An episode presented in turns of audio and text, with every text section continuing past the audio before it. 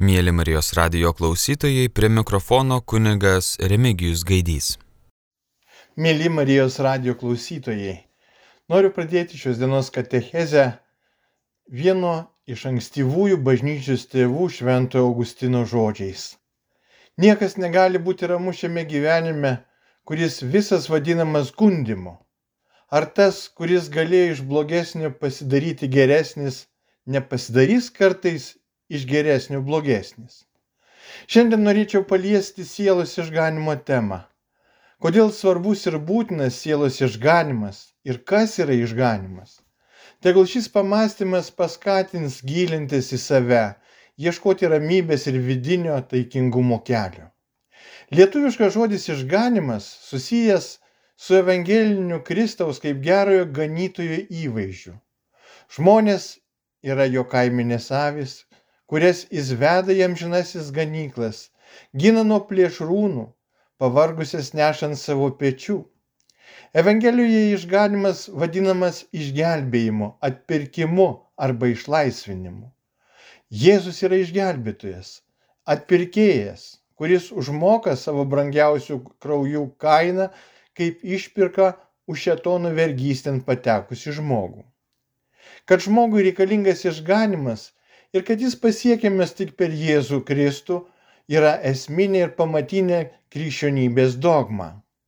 Nuodėmė yra nekas kita kaip klaida ar netvarkingumas, begalinės Dievo didybės įžeidimas, kuris visiškai atskiria žmogų nuo Dievo ir neleidžia jam pasiekti jo vienintelio tikslo - amžinosios laimės danguje.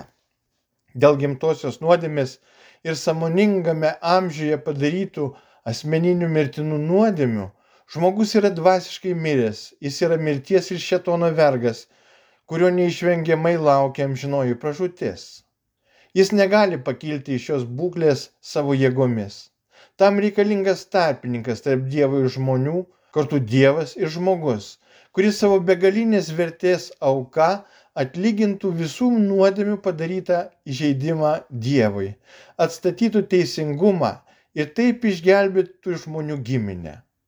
Toks tarpininkas yra Dievo sūnus ir Adomo palikuonis Jėzus Kristus. Netikėjimas išganimo reikalingumu ar manimas, kad galima pasiekti nuolatinę laimę savo jėgomis, pačiam save išganyti, yra kitas esminis naujų laikų paklydimas.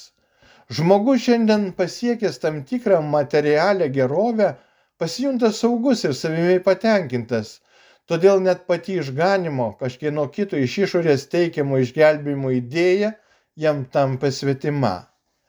Jeigu modernus žmogus patiria sunkumų, beprasmybę, kančią, jis mieliau renkasi savęs išganimo religijas. O įsikūnymas yra objektivus viešpaties Jėzaus Kristaus atliktas darbas jo įsikūnymas, jo atperkomoji auka, jo prisikėlimas ir išaukštinimas. Dievas trokšta visų žmonių išganimo. Ir Jėzus numirė už visus žmonės nuo Adomai ir Jėvos iki paskutinio žmogaus, gimsenčio prieš pasaulio pabaigą. Šią prasme išganimas jau įvyko vieną kartą ir visiems laikams. Jo vaisių su kaupu užtenka atlyginti visoms buvusioms ir būsiančioms nuodėmėms, bei išaukštinti kiekvieną žmogų iki gyvenimo su Dievu danguje. Tačiau tai nereiškia, kad visi žmonės realiai bus išganyti ir tikrai pasieks dangų. Išganimas yra pritaikytas kiekvienam žmogui. Dievas sukūrė žmogų apdovanotą laisvą valią ir nenori jam daryti prievartos. Žmogus sutvertas laisvas būtent tam, kad laisvų pasirinkimų priimtų Dievo draugystę jo išganimą ir savo noru įeitų į dangaus laimę. Žmogaus gyvenimas, mintis, jausmai, pasaulyje žiūra yra lyg didelis nuolatinio gundimo laukas. Kartais geri dalykai gali sielą žlugdyti, o sunkus gali ją atnaujinti. Pavyzdžiui, puikus darbo pasiekimai yra nebejotinas gėris visuomeniai, tačiau tai gali tapti blogiu pačiam žmogui jei nuopelnai jį išpučia ir skatina menkinti kitus. Tuo tarpu kito žmogaus patiriama kančia ir širdgėla, kuri dažniausiai pažeidžia žmogaus savivertę ir veda į nusivylimą, gali vesti prie širdies sudužimo, minkštinti ją, kai asmuo atsiveria antgamtiniam pasauliui, Dievo pažinimui ir jo pagalbai. Svarbu yra pasakyti, kad mes, krikščionys, tik dėl Dievo gailestingumo esame ištraukti iš pasaulietiško gyvenimo, bet vis dar gyvename pasaulyje. Todėl ne vienas negali nusiraminti dėl savo sielos saugumo ir ją nesirūpinti. Šventasis raštas atskleidžia, kad Dievo vaikams per Kristaus malonę yra suteikta nuostabi galimybė iš blogesnio pasidaryti geresniam. Bet jei nesirūpinsime sielą, galime, kaip sakė Augustinas, iš geresnių tapti tik blogesni. Šiandieninis žmogus rūpinasi daug kuo savo kūno sveikata, gražia būtimi, šeimos materialia gerove. Tai yra gerai, bet nesvarbiausia Dievo akise. Viešpats kitaip dėlioja gyvenimo prioritetus, o rūpesti medžiaginėmis vertybėmis nukelia į paskutinę vietą, patikindamas, jog pats Dievas noriai rūpinasi žmogumi.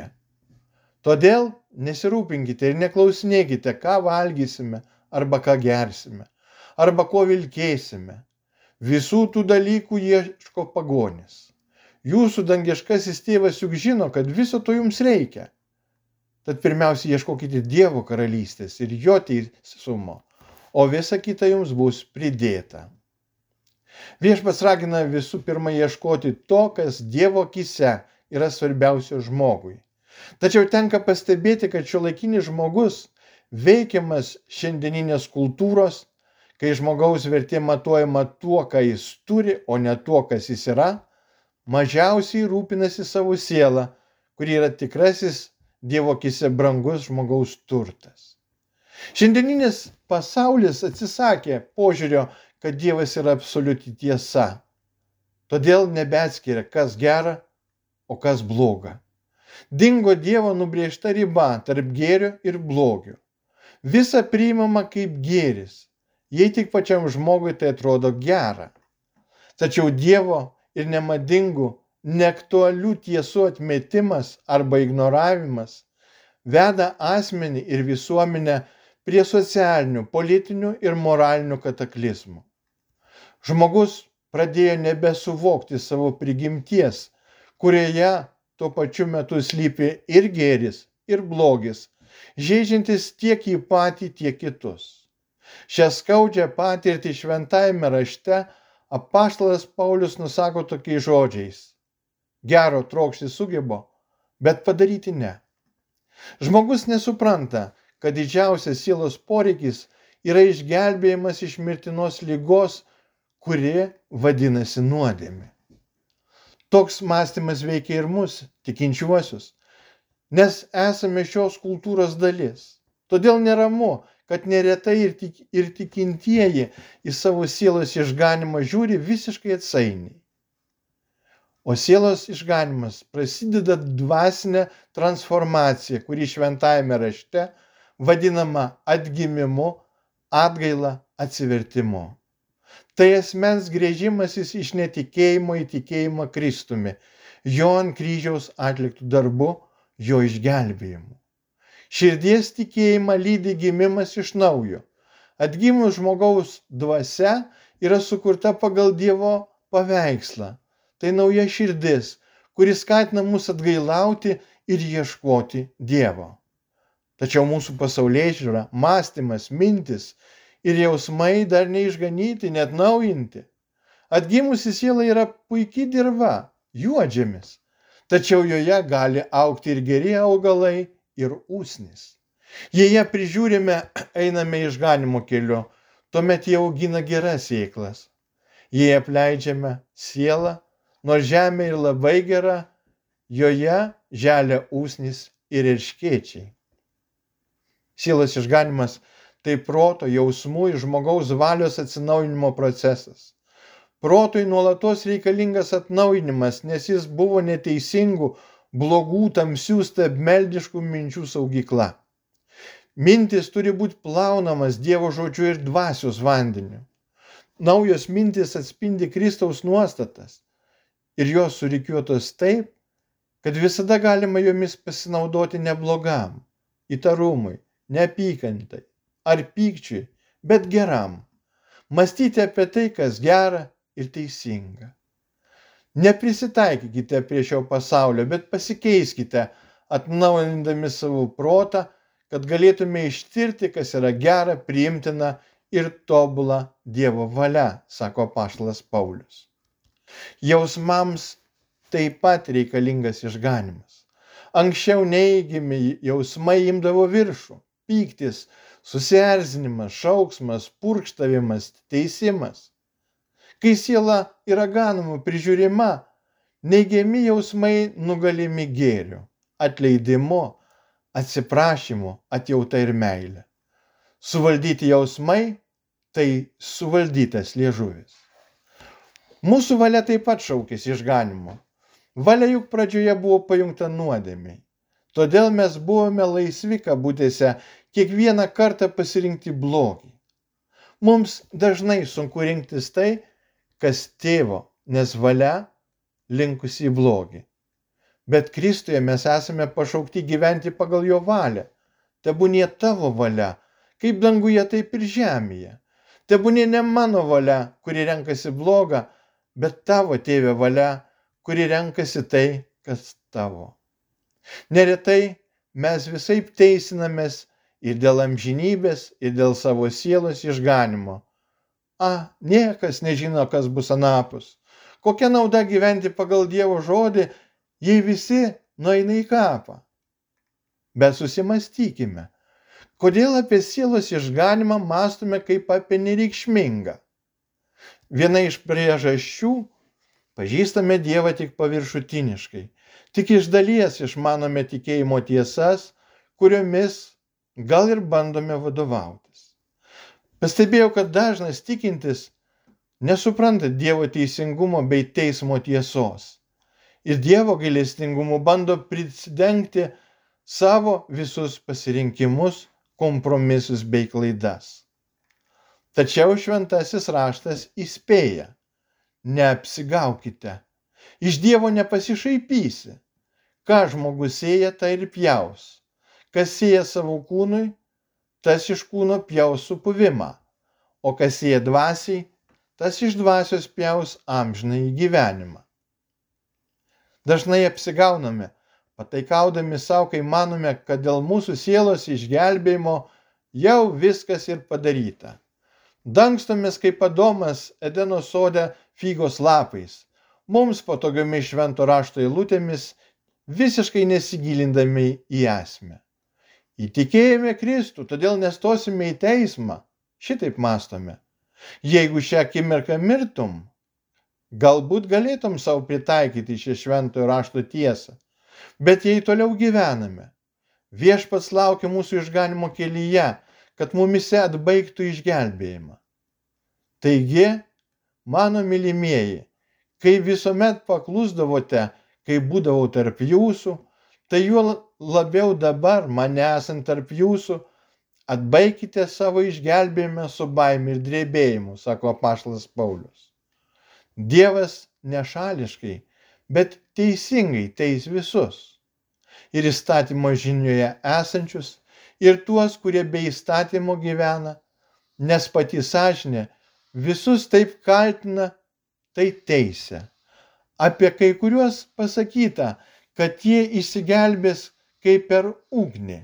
Dievo ugnis bus teismas, kai siela stovės prieš patį tyrumą, moralę, gėrį ir gailestingumą. Jo sprendimo nežinome nei vienas. Sielos ganimas vyksta jau žemiškame gyvenime, kai patiriame Dievo teismo ugnį ir dvasia mus merkia dėl nuodėmių, širdies kietumo, artimo atžvilgių, meilės pinigams, godumo, išdidumo, pasipuikavimo, vaidingumo, piktumo, kivirčių, teisimo, smerkimo, tam, kad išteisintų ir apvalytų. Tuomet pradedame matyti sielos išganimą ir būtinumą kol dėmių nematome ir sielos atrodo ganyti nėra jokios prasmės. bet leiskime jau žemėje Dievui ištirti mūsų sielą rengeno aparatu, Dievo žodžiu. Tuomet įsitikinsime, kad sielai labai reikalingas išganimas ir be abejonės pradėsime ieškoti Dievo kaip ištroškusi elne vandens. Patarlių knygoje galime rasti tokias eilutes. Yra karta, kuri keikia tėvą ir nelaimina motinos. Karta, kuri laiko save švaria, bet nenusiplauna savo purvo. Kaip žmogiška nuolat save teisinti ir nematyti kalties. Kai nusidėjo mūsų protėviai, Adomas ir Jėva, jie puolė teisintis prieš Dievą, lik būtų nekalti. Sulaužė Dievo priesaką nevalgyti vaisių nuo gėrio ir blogio pažinimo medžio, jie pasislėpė nuo Dievo, o vėliau dėl nuopolio kaltino kažką kitą tik ne save. Tai lyg taisyklė, kai įsisukinėjame, o po to kaltiname kitus. Vadinasi, pirmiausia, patys esame kalti. Jei nori teisti kitą, žinok, kad pats esi kaltas ir neteisus. Supras savo kaltę. Pamatyk, kur pasirinkai klaidingai ir elgeisi neteisingai. Kalbėdamasi su pirmąja šeima, Dievas laukia jų atgailos, kad jis galėtų pasigailėti, o vėliau išteisinti. Bet jie vis labiau save teisino, o kitas smerkė. Adomas kaltino Jėvą, Jėva kaltino žaltį, žaltys Dievą. Tai tipiškas uždaras kaltinimų ratas, šetoniškas šokis, kurį gali nutraukti tik atgailojantis. Dažnai tenka matyti ir žmonių įpuolusių į teisuoliškumo spastus. Teisuoliškumas dengia sąžinės purvą bei skatina nepagristą pasitikėjimą savimi. Tačiau anot patarlių knygos autoriaus, kas save laiko švariu, bet nenusiplauna savo purvo dieviškos aukos krauju, dvasios ir žodžio vandeniu, vis tiek bus purvinas viduje. Nuolatinis save teisinimas tai kritusio žmogaus bruožas. Joks žmogus negali savęs padaryti teisiu. Išteisinti gali tik Dievas, kuris per amžius buvo, yra ir bus teisus bei šventas. Išteisinimas yra Dievo malonės dovana, kai sudužusi širdis priima jo atleidimą. Veltui laukia sielos išganimo kelias, kurio Kristus kviečia mus eiti, sekant jo mokymo pėdomis ir vis atnaujinant savo protą, jausmus, valią ir pasaulyje žiūrą iki šviesios dienos. Bet atsimenate, žmogus turi laisvą valią ir visas geras dovanas gali panaudoti piktam. Iš to ir išplaukia, jog Dievo pastangos išgelbėti pasaulį su kiekviena konkrečia siela ne visada bus sėkmingos. Bus ir neišgelbėt nėra kitos doktrinos, kurios, jei būtų mano valia, nenorėčiau labiau už kitas pašalinti iš krikščionybės nei ši. Tačiau ją visiškai remia raštas ir ypač mūsų viešpatie žodžiai. Ja visada rėmė krikščionybė, ją remia ir protas. Juk žaidime turi būti ir pralošimo galimybė. Jei didžiausias kūrinio džiaugsmas yra atsiduoti, tai niekas kitas už jį to negali padaryti, nors daugelis galėtų ir padėti, tačiau galima ir nepanorėti. Atiduočiau bet ką, kad galėčiau aiškiai pasakyti, visi bus išgelbėti. Tačiau mano protas klausia, laisva valia ar verčiami? Jei sakau verčiami, iškirt, iškart susikertu, kaip galima visiškai atsiduoti per prievartą. Jei sakau laisva valia, protas pats sako, o jei kas nors nepanorės. Dieviškos ištarmės apie pragarą, kaip ir visos dieviškos ištarmės, yra skirtos mūsų sąžiniai ir valiai, o ne intelektualiam smalsumui. Jei jos įrodžiusios baisę galimybę paskatina mus ko nors imtis, tai ko gero savo tikslą pasiekia. O jei visi žmonės būtų įsitikinę krikščionis, tai apie tai nereikėtų iš viso kalbėti. Deja, būtent žodžiai apie pragarą yra vienas svarbiausių krikščionybės puolimo ir abejonių Dievo gerumu priežasčių. Kalbama, kad tai pasibaisėtina doktrina. Galiu prisipažinti, ir man ji labai baisi. Mums primenama žmonių gyvenimo tragedijos, kurias sukėlė tikėjimas ją. Apie kitas tragedijos, kurios atsirado iš netikėjimo ją, taip pat girdime tik riečiau. Vien šių priežasčių gana, kad imtumės ir šio apmąstymo. Ši problema ne Dievo, kuris keletui savo kūrinių leis visišką sunaikinimą. Krikščionybė glaudžiai susijusi su sudėtinga tikrovė, mums yra paruošusi kai kas sudėtingesnio. Dievas toks maloningas, jog norėdamas apsaugoti savo kūrinius nuo visiško sunaikinimo, tapo žmogumi ir mirė baisiai kentėdamas. Jei ši herojiška priemonė neveikia, tai atrodo, jog Dievas nenori ar net negali atvirai panaudoti savo visagalybės ir sustabdyti sunaikinimu. Žinote, tik ką neapdairiai prasitariau, jog atiduočiau bet ką už šios doktrinos panaikinimą. Bet tai netiesa.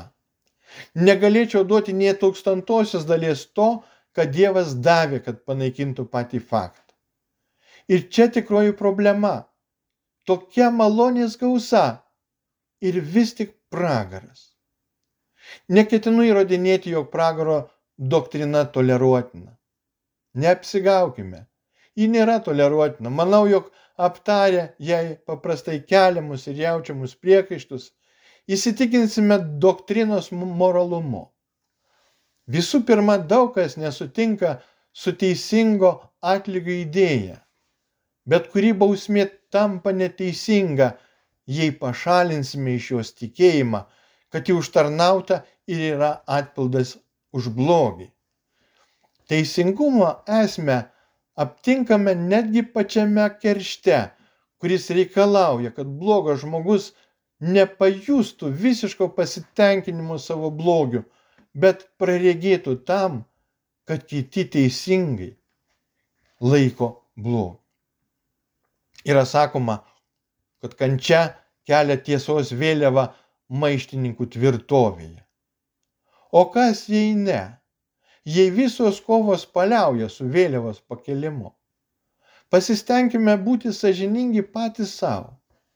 Štai įsivaizduokime žmogų, kuris kraunasi turtus ar eina į valdžią vien išdavystės iš žiaurumo keliais, kuris siekia savanaudiškų tikslų, pasinaudodamas savo aukų gerumu ir nuolat šaiposi iš jų paprastumo, kuris lydimas sėkmės atsiduoda neapykantai, o galiausiai meta paskutinius garbės, kokia dar yra tarp vagių likučius, ir išdavę savo sėbrus, smagiai kvatodama žiūri, kai jie sproksta iš pykčio iliuzijo įsisklaidimo momentu. Įsivaizduokime, jog jis visą tai daro ne kaip mes norėtume, kankinama sąžinės priekaištų ir blogos nuojautos, bet nemaž nesijaudinamas ir valgytų kaip paauglys, ir miegotų kaip nekaltas kūdikėlis. Žodžiu, kaip linksmas raudonskruostis žmogus, be jokių gyvenimo rūpešių. Tikras, jog jis vienintelis radęs atsakymą į gyvenimo myslę jog Dievas žmonės yra kvailiai, kuriuos jam pavyko pergudrauti, o jo gyvenimas visiškai sėkmingas, patenkintas ir nediskutuotinas. Tačiau manau, kad čia reikia atsargumo. Menkiausias keršto pateisinimas yra sunki nuodėmė. Krikščioniškas gailestingumas liepia daryti viską įmanoma, kad tik žmogus atsiverstų. Jo atsivertimą, o ne bausmę iškelti aukščiau net už savo pačių gyvybės. Tačiau klausimas dabar ne apie tai. O kas, jeigu jis nenorės atsiversti? Kokį likimą amžinajame pasaulyje laikytum jam tinkamą? Ar tikrai sutiktum, kad šis žmogus nesikeisdamas, juk turėdamas laisvą valią jis gali nesikeisti, liktų amžinai laimingas, toks, koks yra dabar, visiškai tikras, jog tai jis juokiasi paskutinis. Jei nesutinkit, tuomet kas tave varžo? Tavo nuodėmingumas ar tavo pyktis? Ar nemanai, jog tavo protas pradėjo teisingumo ir gailestingumo ginčą, apie kurį dažnai sakydavo, jog tai pasenusios teologijos klausimas ir aiškiai jauti, jog tai ateina iš viršaus, o ne iš apačios. Piktadario kančių tau nereikia. Tavo reikalavimas yra grinai etinis, kad anksčiau ar vėliau šio baisaus maištininko sieloje iškiltų teisingumo vėliava ir tau to pakaktų. Jam tam tikra prasme būtų geriau, kad taip ir netapęs geras, pamatytų klydęs ir suprastų pralaimėjęs. Net malonė vargu, ar linkėtų šiam žmogui, kad jis amžinai liktų savo baisioje iliuzijoje. Tomas Akvinėtis apie kančią pasakė tai, ką Aristotelis apie gėdą. Kančia nėra gėris savyje, bet susidėjus tam tikromis aplinkybėmis ji gali tapti tam tikrų gėrių. Galime galvoti ir taip. Siela neįtarė blogio arba nežino, jog blogis yra priešingas jos prigimčiai. Tuomet, kaip sako filosofas, kiekviena jų yra akivaizdus blogis. Nors ir baugu, tačiau tenka su tuo ir sutikti. Reikalavimas, kad Dievas atleistų tokiam žmogui, koks jis yra, remiasi sumaištimi, esančia tarp lengvabūdiškumo ir atleidimo. Užsimerkti prieš blogį reiškia jį ignoruoti, laikyti, jog tai yra gėris. Su blogiu niekada nediskutuojama. O atleidimą, kad būtų visiškas, reikia ne tik duoti, bet ir priimti. Žmogus, kuris nepripažįsta kalties, dėja nesugebės priimti ir atleidimo. Tad mielas broli ir sesė, jei Dievas bus tavo gyvenime pirmoje vietoje, visa kita bus savo vietose. Visose tikėjimo diskusijose turėk ne priešo ar draugo, bet savo paties išganimą. Šis pamastymas buvo juk ne apie tavo žmoną, vyrą, sūnų, dukrą, Neroną ar Judą Iskarijotą. Šis pamastymas buvo apie tave ir mane. Pamastyk, drauge. Brangus Marijos radio klausytojai, jums kalbėjo kunigas Remigijus Gaidys. Likite su Marijos radiju.